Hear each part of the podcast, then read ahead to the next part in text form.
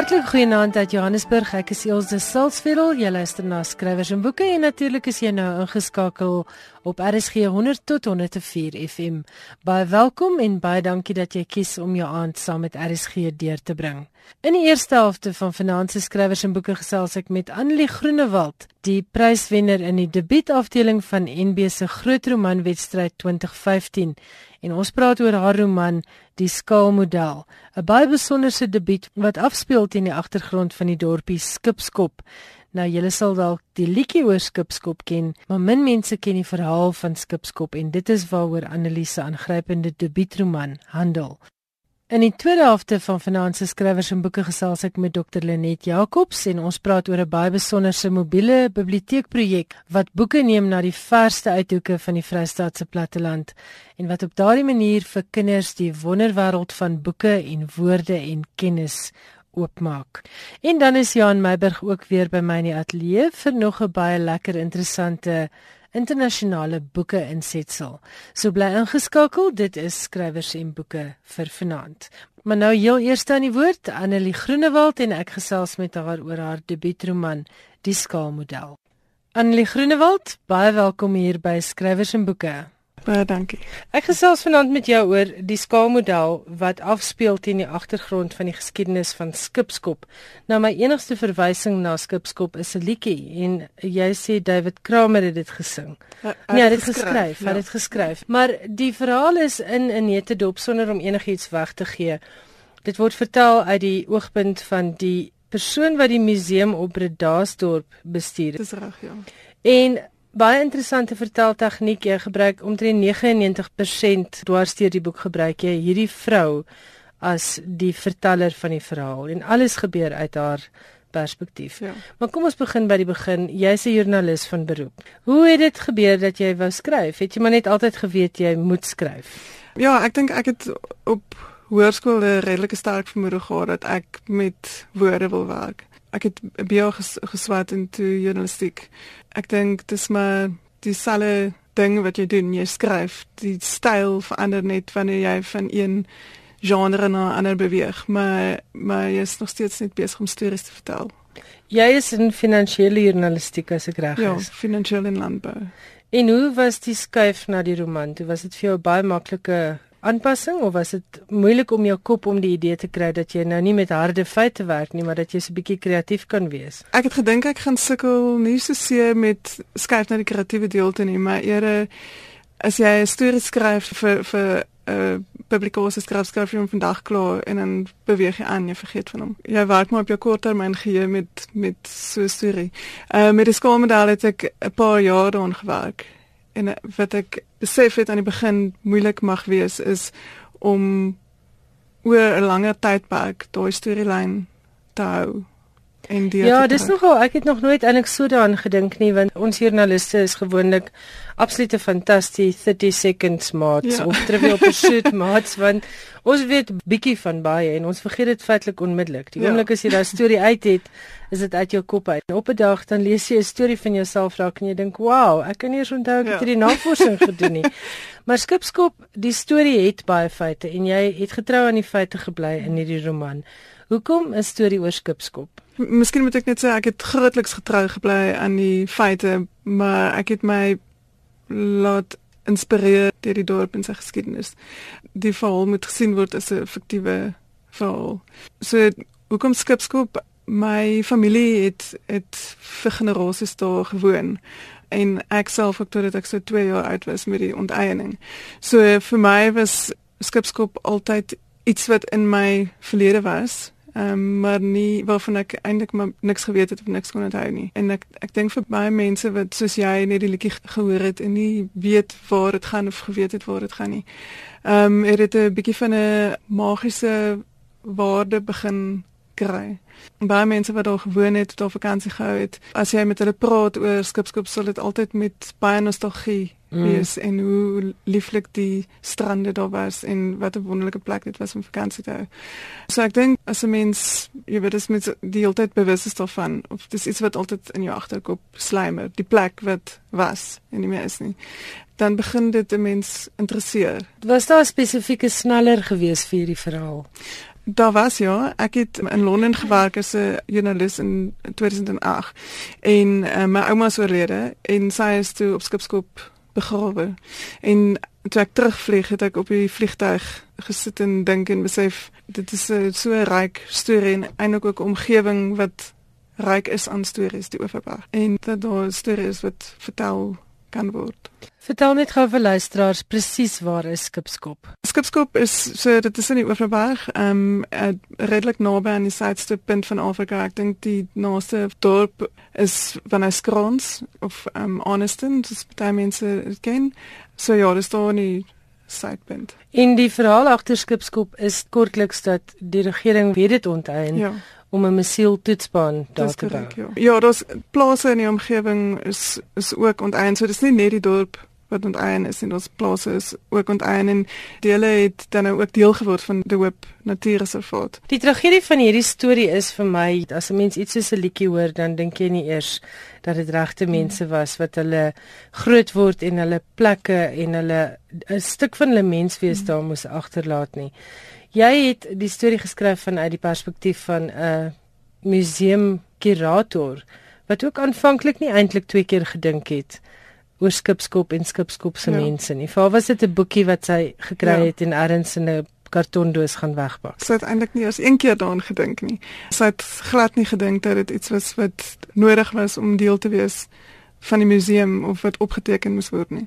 Ek dink jy is heeltemal reg dat uh, jy weet ons dikwels goed wat in ons geskiedenis gebeur wat ons net onthou as 'n insident en ons vergeet die menslike ervaring daarin en hoe dit individue raak en ontheem.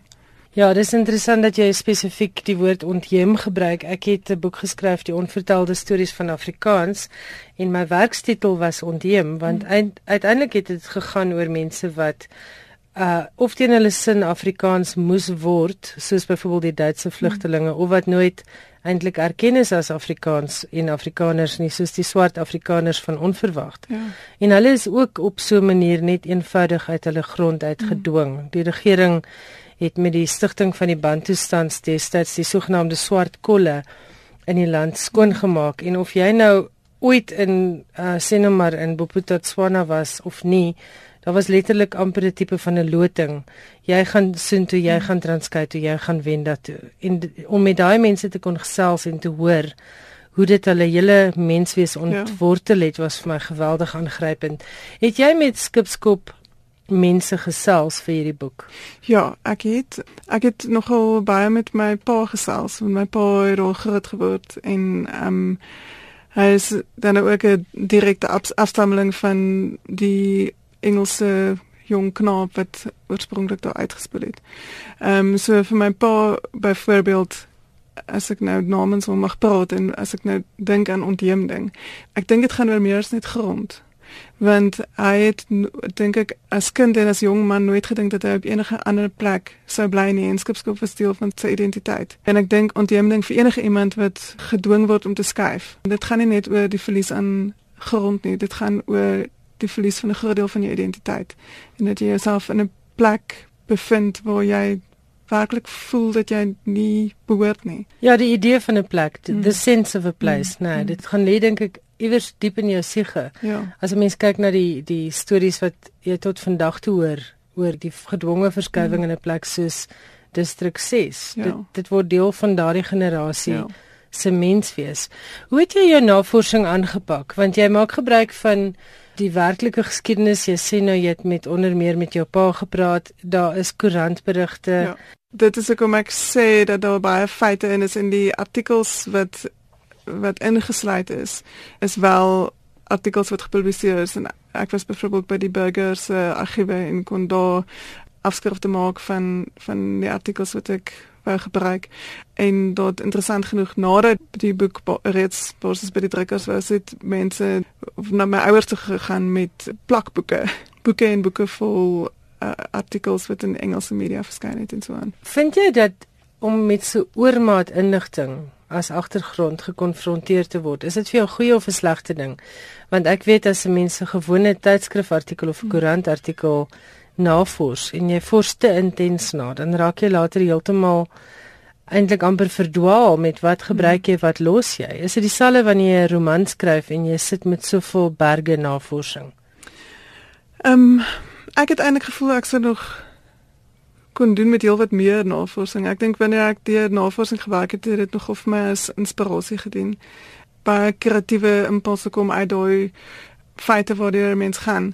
Ek sal nie sê ek het ooit oorweldig gevoel jy net miskien is my agtergrond in die journalistieke handige een om te hê want 'n mens leer juist dat jy soveel as moontlik inligting moet kry en dan op 'n stadium moet jy 'n besluit neem en waar fiksie makliker is as drukmedia waar jy feitelik te werk moet gaan kan jy kies om goed uit te laat en goed in te sluit. So jy kan op 'n stadium besluit neem en sê okay nou moet ek ophou navors en hierdie is die goed waarmee waarmee mens gaan of hierdie is die goed wat binne die verhaal gaan pas. En jy kan natuurlik later weer aanvul. Jy ja, kan besluit 'n ja, kort ietsie of hier korte 'n kinkel. Ja. En jy het natuurlik ook baie meer ruimte want met drukmedia ja. is daar altyd 'n woordbeperking. Ja. Was dit vir jou maklik om karakters te skep? Het hulle van self gebeur? Ek probeer uitvind hoe werk jy? Het ja. jy vooraf besluit daar gaan 'n juffrou Bardien versagie wees of het sy spontaan na jou toe gekom? Ek het omtrent 2 jaar lank gesit en skryf en stories probeer skryf wat binne 'n teks sou pas wat oor skipskop gaan. En ek het die hele tyd ongemaklik gevoel met die stem met eintlik ook my eie stem binne die teks dit het geforseerd gevoel en daar het 'n punt gekom waar ek besef ek gaan nou diep moet delf en vir 'n dag moet kom met 'n karakter wat hierdie goed oortuigend sal kan vertel en wat 'n rede gaan hê om dit te vertel. Ja, so een oggend voor werk het ek gesit en koffie drink en probeer dink hoe sal so 'n karakter lyk. En dit is hoe ek aan gekom het en die ander karakters het eintlik redelik op 'n soortgelyke manier ontstaan waar ek besef het ek het 'n karakter nodig wat hierdie rol gaan moet verrig en hoe lyk so 'n karakter. So jy het nie beplan nie, jy het nie gaan sit en besluit jy het juffrou Berdien nodig en jy het 'n uh, wat is dit 'n meneer die voorsitter nodig en 'n nee. besemverkoper en nee. al het net gebeur. Ja. Was dit vir jou moeilik om elke keer 'n nuwe karakter toe te laat om deel te word van jou storie want dis ook nie iets wat 'n mens sommer in journalistiek hoef te doen nie. Nee, dit was nie vir my moeilik nie. Dit dit was eintlik 'n verligting elke keer as ek besef het goed hierdie karakter kan dalk baie lekker werk. Ehm um, en dit was 'n geval met Juffrou Versagie. Hoe kom jy besluit om alles uit haar oogpunt te vertel? Haar stem het vir my baie goed gewerk en ek het gevoel dat haar stem baie ver verwyderd is van my stem. So dis amper asof sy vir my objektiewe karakter kon word weg van my af wat al hierdie hierdie stories bymekaar kon maak en kon kon vertel. Maar interessant genoeg jy het nie 'n alomteenwoordige verteller gekies nee. en dan juffrou Visagie se af en toe ingebring nie. En ek hoor by die slim mense die manier waarop jy geskryf het met die eerste persoons verteller is is baie moeiliker as om 'n alomteenwoordige verteller te gebruik. Het jy dit so ervaar of was dit vir jou um, redelike maklike proses? Vir my was dit maklik om ek stel dit so. Ek dink die die moeilikste ding vir my is dialoog. En op 'n manier kon ek dialoog redelik in die kiem smoor deur vir vers, versorg aan die woord te stel en haar die hele tyd te laat praat. Ek het 'n redelike groot pyn vir baie skrywers op daai manier grootliks ontdek. Jy het 'n MA in kreatiewe skryfkuns ja, onder ja. professor Willie Burger. Dis reg het dit jou baie gehelp om hierdie roman die lig te laat sien? Ja, wat vir my baie gehelp het is om 'n eerste leser te hê wat ek respekteer as 'n as 'n werklike kenner in die veld. En as hy vir my gesê nee, dit is nog nie reg nie, dan ek geweet dit is nog nie reg nie hy het byvoorbeeld toe ek vir my eerste stuk stuur waar juffrou Visagie aan die woord is, het hy net vir my een lyn teruggestuur en gesê, "Goed, ek dink jy het jou stem." En dan weet 'n mens jy's op die regte spoor. Ja, om iemand te hê wat of jy of nee sê wat werklik die kennis en insig het, is is nogal dink ek 'n voorreg. Ja, en ek dink professor Willie Burger is een van die groot kenners van die Afrikaanse Absoluut, ja. letterkunde in ja. die land en wat hy nie weet van die Afrikaanse letterkunde nie, dink ek is amper nie die moeite werd om te weet nie. Hoe het jou skryfroetine gelyk want jy werk voltyds? Ja. En om dan daai daai ding wat jy net oor van gepraat het om dan die soort van die storielyn deeltyd in jou kop te behou ja. en nie agter te raak of te mm. mekaar te raak nie. Moet moeilik wees as mense nie daagliks ure lank het om te bestee ja. nie. Wel my styl het intussen of my werkstyl het intussen so ontwikkel dat ek soggens voor werk vir uur gewerk het. En dit het vir my eintlik 'n baie lekker manier geword om te werk want ek kon in die oggend my toespits daarop en ek het geweet as ek byvoorbeeld 'n uur vroeër opgestaan het as ander mense of selfs party oggend 2 ure vroeër, het ek geweet hierdie is die tyd wat ek het. As ek dit nie effektief benut nie, het ek nou net my eie tyd heeltemal mm, gemors. Mm. So dan werk werk mens redelik doelgerig in daai in daai tyd. En dan gaan jy werk toe maar die storie bly in jou kop. So dit het my dalk 'n bietjie langer geneem om die om die manuskrip te voltooi, maar omdat ek oor langer tydperk en konstant daaraan gewerk het, dink ek het 'n mens die luxe gehad dat die storie lekker kon ontwikkel in 'n mens se kop. En ja, dan het ek maar van tyd tot tyd die teks weer uitgedruk, gelees en soos ek lees weer besef hier moet ek werk en dit moet nou gebeur en so. Hoe lank het jy gewerk daaraan? Ek het omtrent 5 jaar in totaal gewerk aan die projek. Die teks self het die die finale manuskrip het jy vir Versagias as 'n um, stem het net onder die 3 jaar geduur. En moes jy baie skaaf daaraan nadat NB dit gekies het as wenner van die debuutroman afdeling of hulle was uh, heel gelukkig daarmee. So hulle het dit vir my gegee en gesê as ek enige goed wil bywerk en ek so klein bietjie bygewerk, ek is gelukkig dat ek nie nodig gehad om te veel te gaan vertel nie. Het jy ooit gevoel, "Jessie, ek wil nie hierdie hierdie manuskrip weer sien in my hele lewe nie?" Want ek dink nie die luisteraars weet hoe intens ja. is hierdie werk en weer werk en skryf en weer skryf presies. Ek dink die tyd dat ek die finale proewe gekry het, was ek daar waar ek gedink het kan nie nou meer nie. Maar ehm um, verder was dit vir my ongelooflike lekker proses. Hoe is die boek ontvang? Jy sê jy het groot geword in Bredasdorp. Ja. Jy het jy ken mense van Skipskop. Wat het die Skipskoppers daarvan gesê? Maar vir my was dit belangrikste wat so hoe voel my ouers daaroor en en hulle het hulle het geknik en gesê dit is okay. Ek was nog nie weer Bredasdorp op sê dit dit op die rakke verskyn het nie. So miskien word ek uitgejaag as ek daar as ek daar Ek dink daarom nie so nie hoor. Ek dink dit dit raak mense hart. Dit laat mense aan die plek dink as 'n plek met regte mense. Mm -hmm. So miskien luister daar mense wat op Skipskop gewoon het of wat daar vakansie gehou het. Jy het gesê dit was ook 'n gewilde vakansieplek. Stuur vir ons 'n SMS na 34024 en laat weet vir ons het julle Annelie Groenewald se boek Die skaalmodel gelees en hoe het dit jou oor skipskop en skipskop se geskiedenis laat voel? Annelie, laaste vraag, waaraan werk jy op die oomblik of het jy besluit jy moet nou eers 'n riskans neem van roman skryf? Direk nadat ek klaar was met die teks, ja, werk net 'n riskans neem, maar ek is nou basis 2 jaar daarmee klaar. Ek wil myself nie uh forceer of enige iets afjaag nie. As ek goed sien wat ek dink interessante verskynsels in die samelewing is, dan maak ek notas. So ek besig om te begin notas maak, maar ek skryf nie tans in 'n teks nie want ek wil eers weet ek het al weer interessante vertelle wat dinge weer op 'n ander manier kan doen. Ek het 'n redelike interessante storie en dat daar tegnieke vertelmaniere is wat my interesseer sodat daar jy weet dat mense weer iets niets kan doen wat op alle vlakke effens nie is. Dit was Annelie Groenewald, die skrywer van Die Skaalmodel wat NB se groot romanwedstryd se debuutafdeling gewen het in 2015. Annelie, baie geluk met die boek en ek hoop daar is nog waar hierdie een vandaan kom. Baie dankie, dit was lekker. Skrywers en boeke.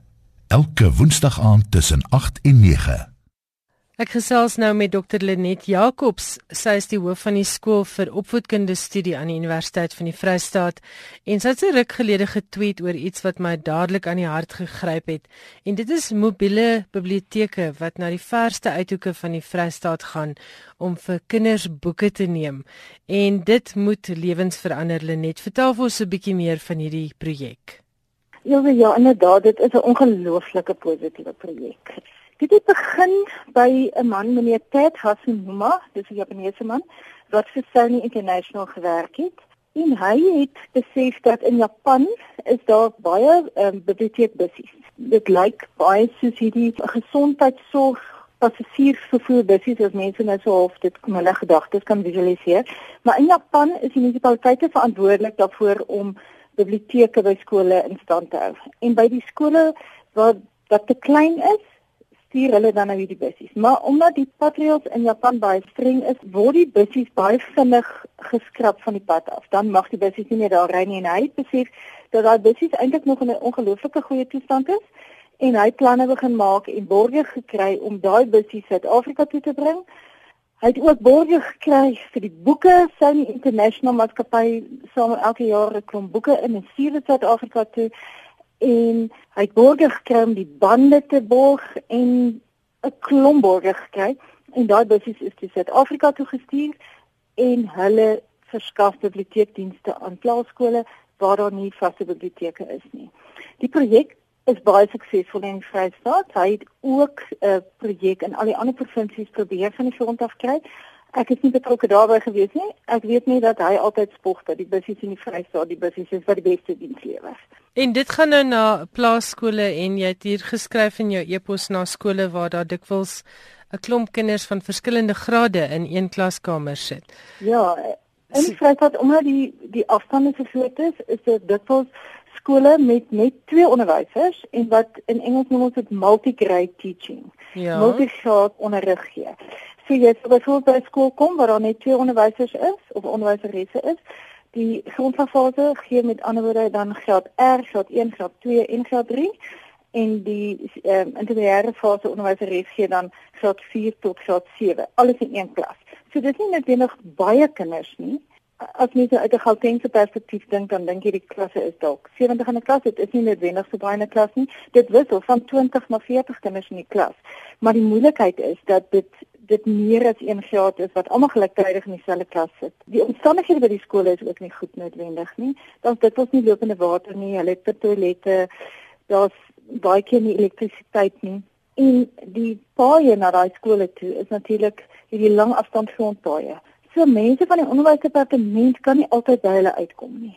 En hierdie busse, daar's 10 van hulle in Vrystaat, ry eenvoudig van skool na skool en verskaf biblioteekdienste aan die kinders en ook ondersteuning aan die onderwyseresse natuurlik. Uh dis meestal dames. Uh, um in terme van materiaal nie fiksie wat die kinders en die onderwysers dan kan gebruik vir hulle klasvoorbereiding en hulle klasaanbieding. En natuurlik kom hierdie boeke nou op meer as een gebied soos manne uit die hemel want die kindertjies wat nou besig gehou moet word terwyl hulle nou vir 'n ouer graad klas gee kan nou byvoorbeeld sit en lees iets wat hulle nie sou kon gedoen het as daar nie biblioteekdienste was nie. En ek seker. En ek neem aan met goed take want daar's ook nie internet by plaaskool nie. Daar's glad nie internet nie. Nou hoe dit werk in in die luisteraars moet maar dit al van hulle gedagtes nou probeer voorstel.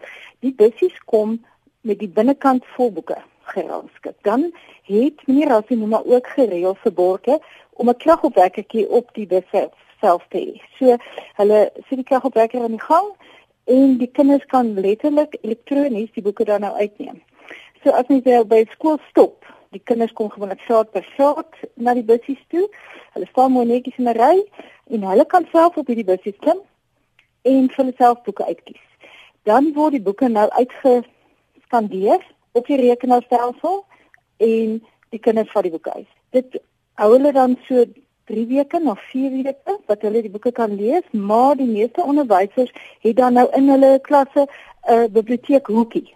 Ja. Hulle noem dit nou maar die klasbiblioteek. Dit is net feitlik net 'n kartondoos waar in die boeke gesit word. Mm -hmm. So as ek nou 'n boek uitgeneem het en ek het nou klaar gelees in my boek, dan bring ek hom terug en ek sit hom in die, in hierdie biblioteek, klasbiblioteek en een van die ander kinders kan ook die boek uitneem en lees. So die kinders lees nie net die een of twee of drie boeke wat hulle uitneem nie. Hulle lees ook die boeke wat al hulle maats uitneem. En inderdaad, terwyl die onderwyser besig is met een graad, dan kan die kinders hierdie boeke lees. Die onderwysers word ook ondersteun en opgelei deur die distrikpersoneel om die kinders te leer hoe om met die boeke te werk. So hmm. as 'n mens in die klas kom waar die biblioteek dienste is, dan sien 'n mens kaarte teen die muur met nuwe woorde wat die kinders geleer het. Daar's instruksies vir die kinders hoe hulle moet leer, hoe kyk hulle, hoe maak hulle opsomming van die boek, wie is die hoofkarakter mm -hmm. ensovoorts. So die kinders word gehelp en gelei om nie net die boek te lees as 'n storieboek nie, maar om ook betekenis te maak uit die uit die boek. En dit help die personeel verskriklik. Die kinders by die skole waar ek was, was vreeslik goed gedissiplineerd. Jy kan duidelik sien hulle is nou gewoond aan die stelsel.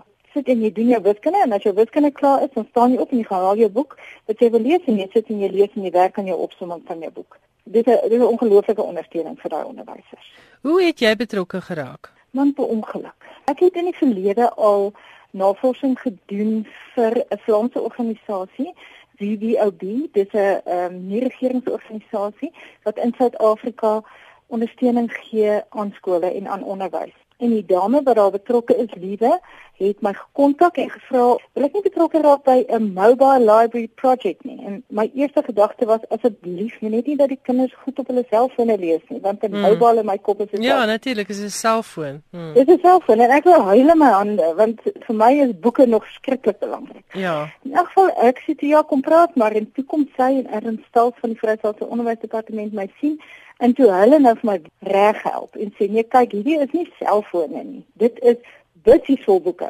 Toe was ek verskriklik opgewonde. Weet jy, ek het ingestem om die navorsing te doen want die projek loop al sedert 2007 in die Vrystaat. So dis al 9 jaar, is byna 10 jaar. jaar. Ja. En daar het ek navorsing gedoen oor hoe dit werk en wat die uitwerking daarvan in die skole is waar hulle gedoen is nie. So dit was nou op hierdie opwindende projek begin. Dit het nou in 2014 daarmaal begin. Ja. Begin ek het 'n klompie mense wat saam met my werk daarop. Een van hulle is werk self by die universiteitsbiblioteek en mense wat kundig is op die gebied van lees. Want ek is 'n leser, maar ek is nie 'n kundige op die gebied van lees nie. En ons het toe nou begin met 'n navorsingsprojek. Die doel van die navorsingsprojek was nie net om inligting in te samel nie, maar dit was ook om die mense by die distrikte wat met hierdie bussies werk, ook daar kapasiteit te bou sodat hulle hulle eie praktyk kan navors en verbeter die sogenaamde deelnemende aksienavorsing eh, metode. So op die oomblik het die verskillende distrikte saam met ons hulle navorsing gedoen. Hulle het hulle navorsingsverslag geskryf en vir ons teruggestuur. Maar die die positiewe uitkoms daarvan is dit het hulle in staat gestel om na hulle eie praktyk te kyk, kyk wat werk en te kyk waar kan ons nog beter werk. Goed. So dit is weer eens 'n vreeslike positiewe manier om navorsing doen en ons het so drie verskillende kongresaanbiedinge al daaroor gedoen en oral word dit vreeslik goed ontvang. Wat was jou bevinding in 'n netedop? Wat beteken hierdie projek vir die kinders van die Vrystaat? Weet jy wat dit beteken is?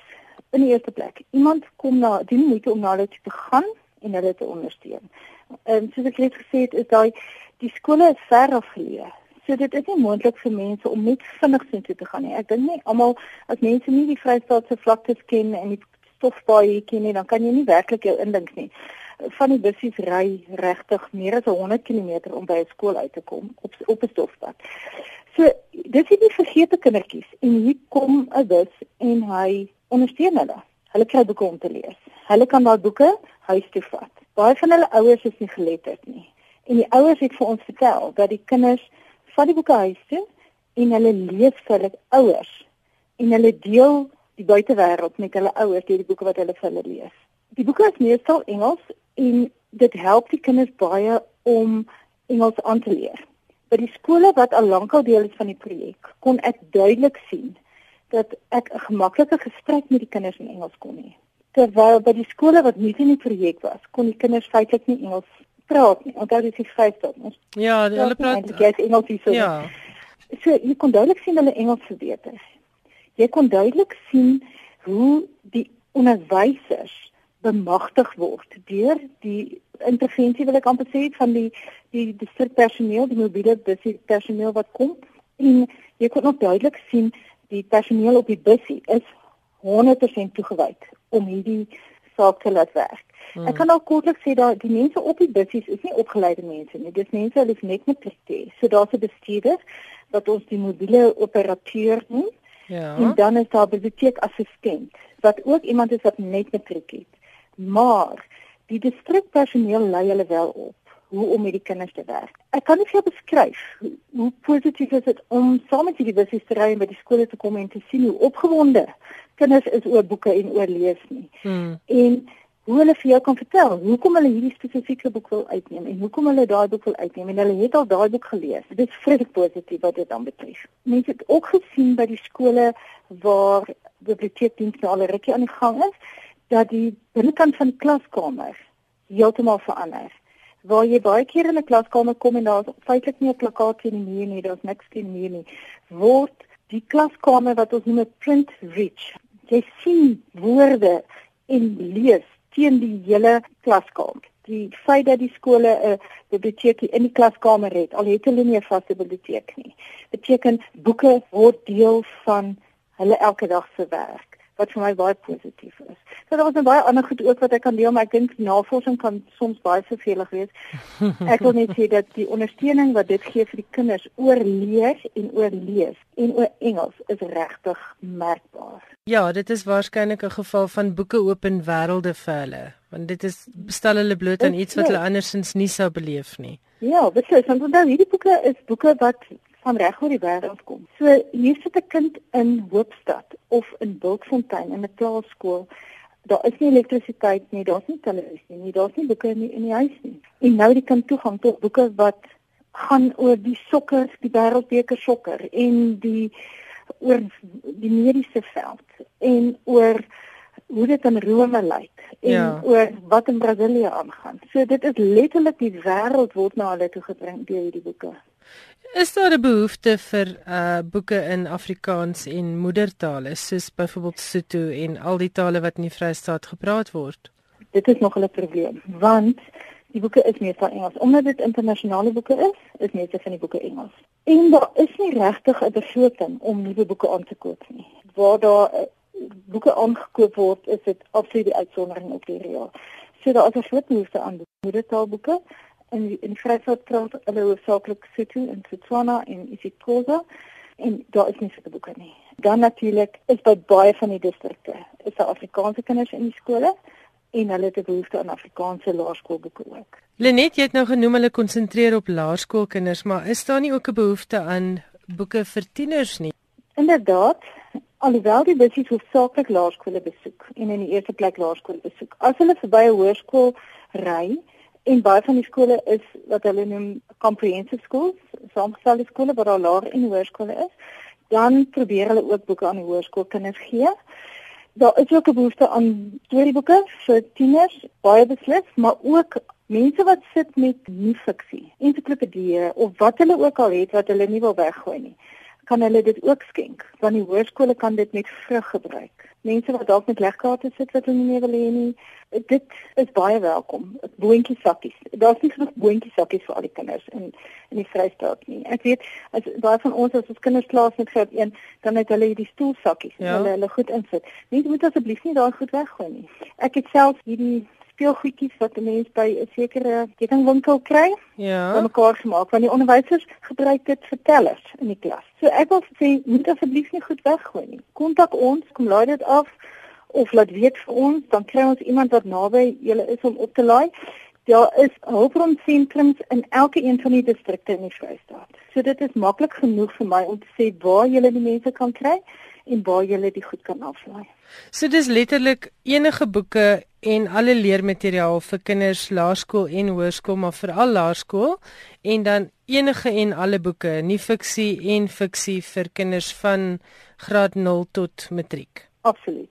Goed Lenet, as mense wil boeke skenk vir hierdie projek, kan hulle vir jou kontak. Ja, hulle kan vir my kontak, hulle kan my e-pos stuur. My e-posadres is jakobs@ufs vir die Universiteit van die Vrystaat in Engels, ufs.ac.za.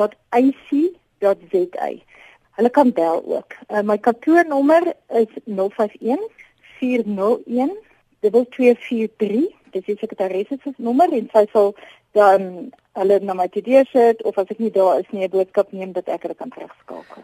Goed, uh dis nou vir luisteraars in die Vrystaat en nabygeleë gebiede wat wil kinderboeke skenk vir hierdie wonderlike mobiele biblioteek projek in die Vrystaat. Jy kan gesels met Dr Lenet Jacobs stuur vir haar e-pos by jacobs by ufs.ac.za of skakel na sekretaresse by 051 401 2243. So onthou geen kinderboek hoef weggegooid te word nie. Daar's altyd 'n plek waar dit gebruik kan word. Lenet baie dankie vir die heerlike inligting. Dit maak mense se hart warm klop om te dink boeke kan soveel dinge verander in 'n kind se lewe. En ek hoop die luisteraars stuur vir jou tonne boeke. As jy sopas ingeskakel het, ek is Elsje Salzveld. Hierdie is RSG 100 tot 104 FM en die program se naam is Skrywers en Boeke. Baie welkom. Johan Meiberg is nou by my in die ateljee. Johan, baie welkom. Ons het nou nie verlede week 'n skrywers en boeke gehad nie. Ons so, het lekker kunstefees gehad. Ja, dit was heerlik. Het jy ook geluister? Ja, ja. Ek het soos in die, in my kinderdae het ek op my bed gelees saans met die radio aan. Die televisie was nie eens aan nie. Ons het kunstefees gehou. Dis wonderlik. Jy skop af met iets oor Bob Dylan, die groot Nobelpryswenner. Nou het hy nou al sy stilte verbreek oor sy groot prys. Bob Dylan het die Swetse Akademie laat weet dat hy nie die toekenningsgeleentheid vroeg volgende maand in Stockholm gaan bywoon nie. Dylan het in 'n brief die akademie bedank vir die groot eer wat hulle hom aangedoen het deur die prys aan hom toe te ken en bygevoeg dat hy ongelukkig weens afsprake wat hy reeds aangegaan het, nie die prysoorhandiging op 10 Desember kan bywoon nie. Volgens Dylan se amptelike webwerf was daar geen konsertverantwoordelikhede na 23 November nie. In 'n verklaring het die akademie gesê dis ongewoon dat pryswenners nie die geleentheid bywoon nie, maar dit is nietemin nie uitsonderlik nie. Daar is Lessing, Harold Pinter en Alfrede Jelinek het byvoorbeeld die geleentheid om verskeie redes nie bygewoon nie. Die akademie het bygevoeg dat die enigste vereiste wat hulle stel aan wenners is dat hulle bereid moet wees om 'n lesing binne 6 maande na die oorhandiging aanbied en daaroor het Bob Dylan nog niks gesê nie. Dink jy dis nou hierdie hele rebelse streep van hom wat nou weer uitkom hierdie anti-konformistiese syf van hom wat nou maak dat hy nie gaan bywoon nie. Dit het, ek het geen gedagte daaroor nie. Ek weet nie dat hy in die brief wat hy vir die akademie geskryf het, was hy besonder dankbaar geweest en hy het gesê ook in die brief dat dit spyt hom dat hy dit nie kan bywoon nie. Hy sou graag wou as dit anders kon. Luister, tensy ek 'n hartoortplanting kry op die dag wat ek die prys moet kry, dink ek skuif ek maar alles uit my dagboek uit en gaan woon dit by. Wat's volgende? 'n Bloemlesing met gedigte van die Amerikaanse sanger liedjie-skrywer Johnny Cash het onlangs die lig gesien. Die bundel Forever Words the Unknown Poems is saamgestel deur Paul Muldoon, digter en professor aan Princeton, en bevat 40 gedigte wat Cash deur die jare geskryf het. Van die gedigte het hy as kind geskryf, maar daar is ook enkeles wat ingesluit is wat Cash voor sy dood in 2003 geskryf het. In die voorwoord plaas Muldoon Cash se gedigte aan die een kant binne die poëtiese tradisie wat voortvloei uit Skotse ballades en aan die ander kant besin hy oor die kwessie wat veral voortgespruit het uit die onlangse aankondiging van Bob Dylan as Nobelpryswenner is lirieke wel poësie en kan lirieke werklik sonder musiek bestaan. Die Cash-bundel bestaan egter uit gedigte, benadruk Muldoon, waarin Cash soos in sy lirieke gebruik maak van toeganklike taalgebruik en rymender metrum. Die gedigte is besonder persoonlik van aard. Daar's byvoorbeeld You Never Knew My Mind van 1957 oor sy egskeiding en Going Going Gone van 1990 oor dwelmmisbruik. Cash se seun, John Carter Cash, het in 'n onderhoud gesê die bundel wys 'n ander kant van sy pa. Hy was soveel meer as die ikoniese cool man in swart, het hy gesê. Johnny Cash het op 23 sy eerste album in 1955 uitgebring en daarna het nog 95 gevolg. In sy onmiddellik erkenbare stem het hy in sy lirieke onderwerpe aangesny soos liefde, pyn, vryheid, die roem wat hy behaal het in sterflikheid. Die gedigte in die bundel spreek uit dieselfde register. Jy sê 96 albums. 96 albums. Hy het 'n ongelooflike loopbaan gehad, 'n aktiewe loopbaan. Nou goed, hierdie 96 albums is dan nou verwerkings, dit is unieke albums, dit is kompilasies, dis die, die som dis die som totaal van die werk wat hy uitgebring het. Wat aansienlike uh, aansienlike hoeveelheid is. Ja, maar dis ook nou seker die dae voor allerlei ander vermaak wat gemaak het dat mense so baie plate gekoop het, ja, né? Ja, van 1955 Ja. Dis 'n is 'n is 'n is 'n lang loopbaan wat hy gehad het. Jo, goed. En volgende? Astrid Lindgren, die Sweedse skrywer veral bekend vir haar verhale van Pippi Langkous, het tydens die Tweede Wêreldoorlog noukeurig dagboek gehou. Die leergebinde dagboeke is in 2013, 11 jaar na haar dood in 2002, in 'n rottangmandjie in haar huis in Stockholm gevind.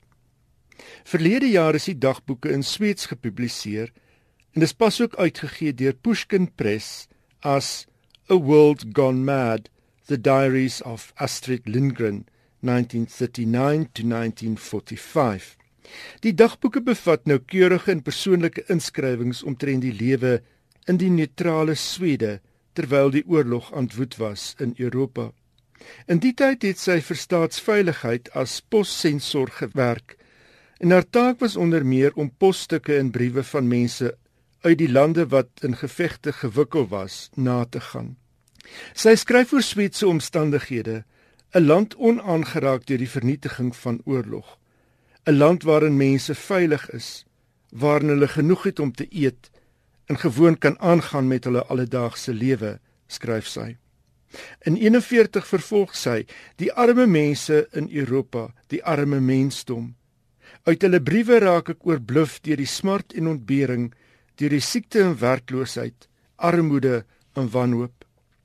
Sy verwys na haar eie knoes situasie waarin sy 385 krone per maand verdien in 'n tydperk wat sy beskryf as die gelukkigste jare van my lewe.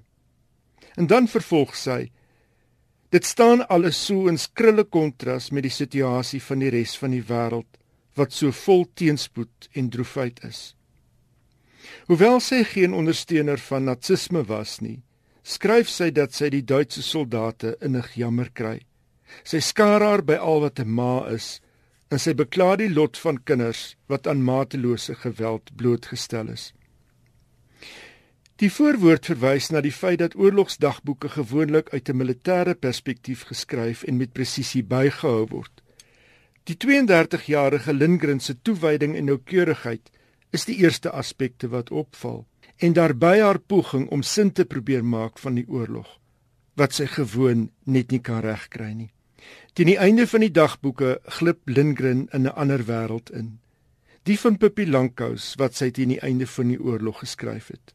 Moontlik as teenmiddel vir die terreur van oorlog. Dis nou regtig interessant want 'n mens wonder altyd oor 'n skrywer wat so wonderlike kinderverhaal kan optower en jy dink outomaties aan so iemand as sorgvry en vrolik en vol humor en dan vertel jy nou vir my stories soos hierdie en dat Pippi Lankas direk daarna ontstaan. Ja ja. So dit is regtig waar uh, om 'n Engelse woord te gebruik escapism, né? Dit is wat mense aan aan aan aan voel dat Pippi Lankas heeltemal 'n fantasiewêreld van haar eie Wel, uh, ek is bewoon. verskriklik. Ek is nog steeds dink ek Pippi Lankas is die heel beste kinderboeke wat daar ooit geskryf is. So ek is haar innig dankbaar. Is dit al vir vanaand of is Nee, daar nog Zadie iets? Smith se jongste roman Swingtime word tans verwerk vir TV. Smith is self verantwoordelik vir die draaiboek en sy doen dit saam met haar man die digter Nick Laird. Swingtime is die verhaal van twee aspirant dansers en die boek het gloeiende resensies gekry. Christine Langen, uitvoerende hoof van Baby Cow, die produksiehuis wat die boek vervilm, het Smith beskryf as die stem van haar geslag en bygevoeg Baby Cow is verheug en geëerd om die boek te kan vervilm. Ons kan nie wag om dit met kykers wêreldwyd te deel nie.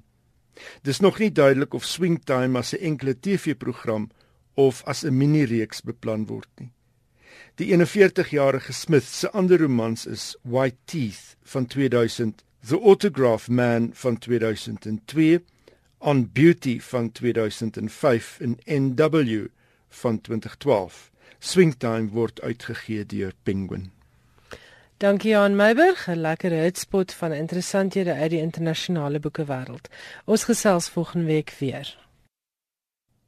Dit was dan Finanse Skrywers en Boeke baie dankie dat jy saamgeluister het. Volgende Woensdag aand maak ons weer so en dan gesels Corina van der Spool met Harry Kamer oor die skryf en navorsing vir sy drama Die Bram Fischer Wals en Suzette Kotsemeiber gesels in Kaapstad met die kinderboekskrywer Elizabeth Wasserman. Dit dan in volgende week se skrywers en boeke. Onthou om vir my te laat weet as jy besondere herinneringe het aan Skipskop. Ons SMS nommer is 34024. Elke SMS kos R1. As jy 'n e e-pos wil stuur, die e-posadres is skrywers en boeke by rsg.co.za. Geniet die res van vanaand se programme. Tot ons volgende week weer gesels. Groet ek, Elsje Salzwetel uit Johannesburg. Totsiens.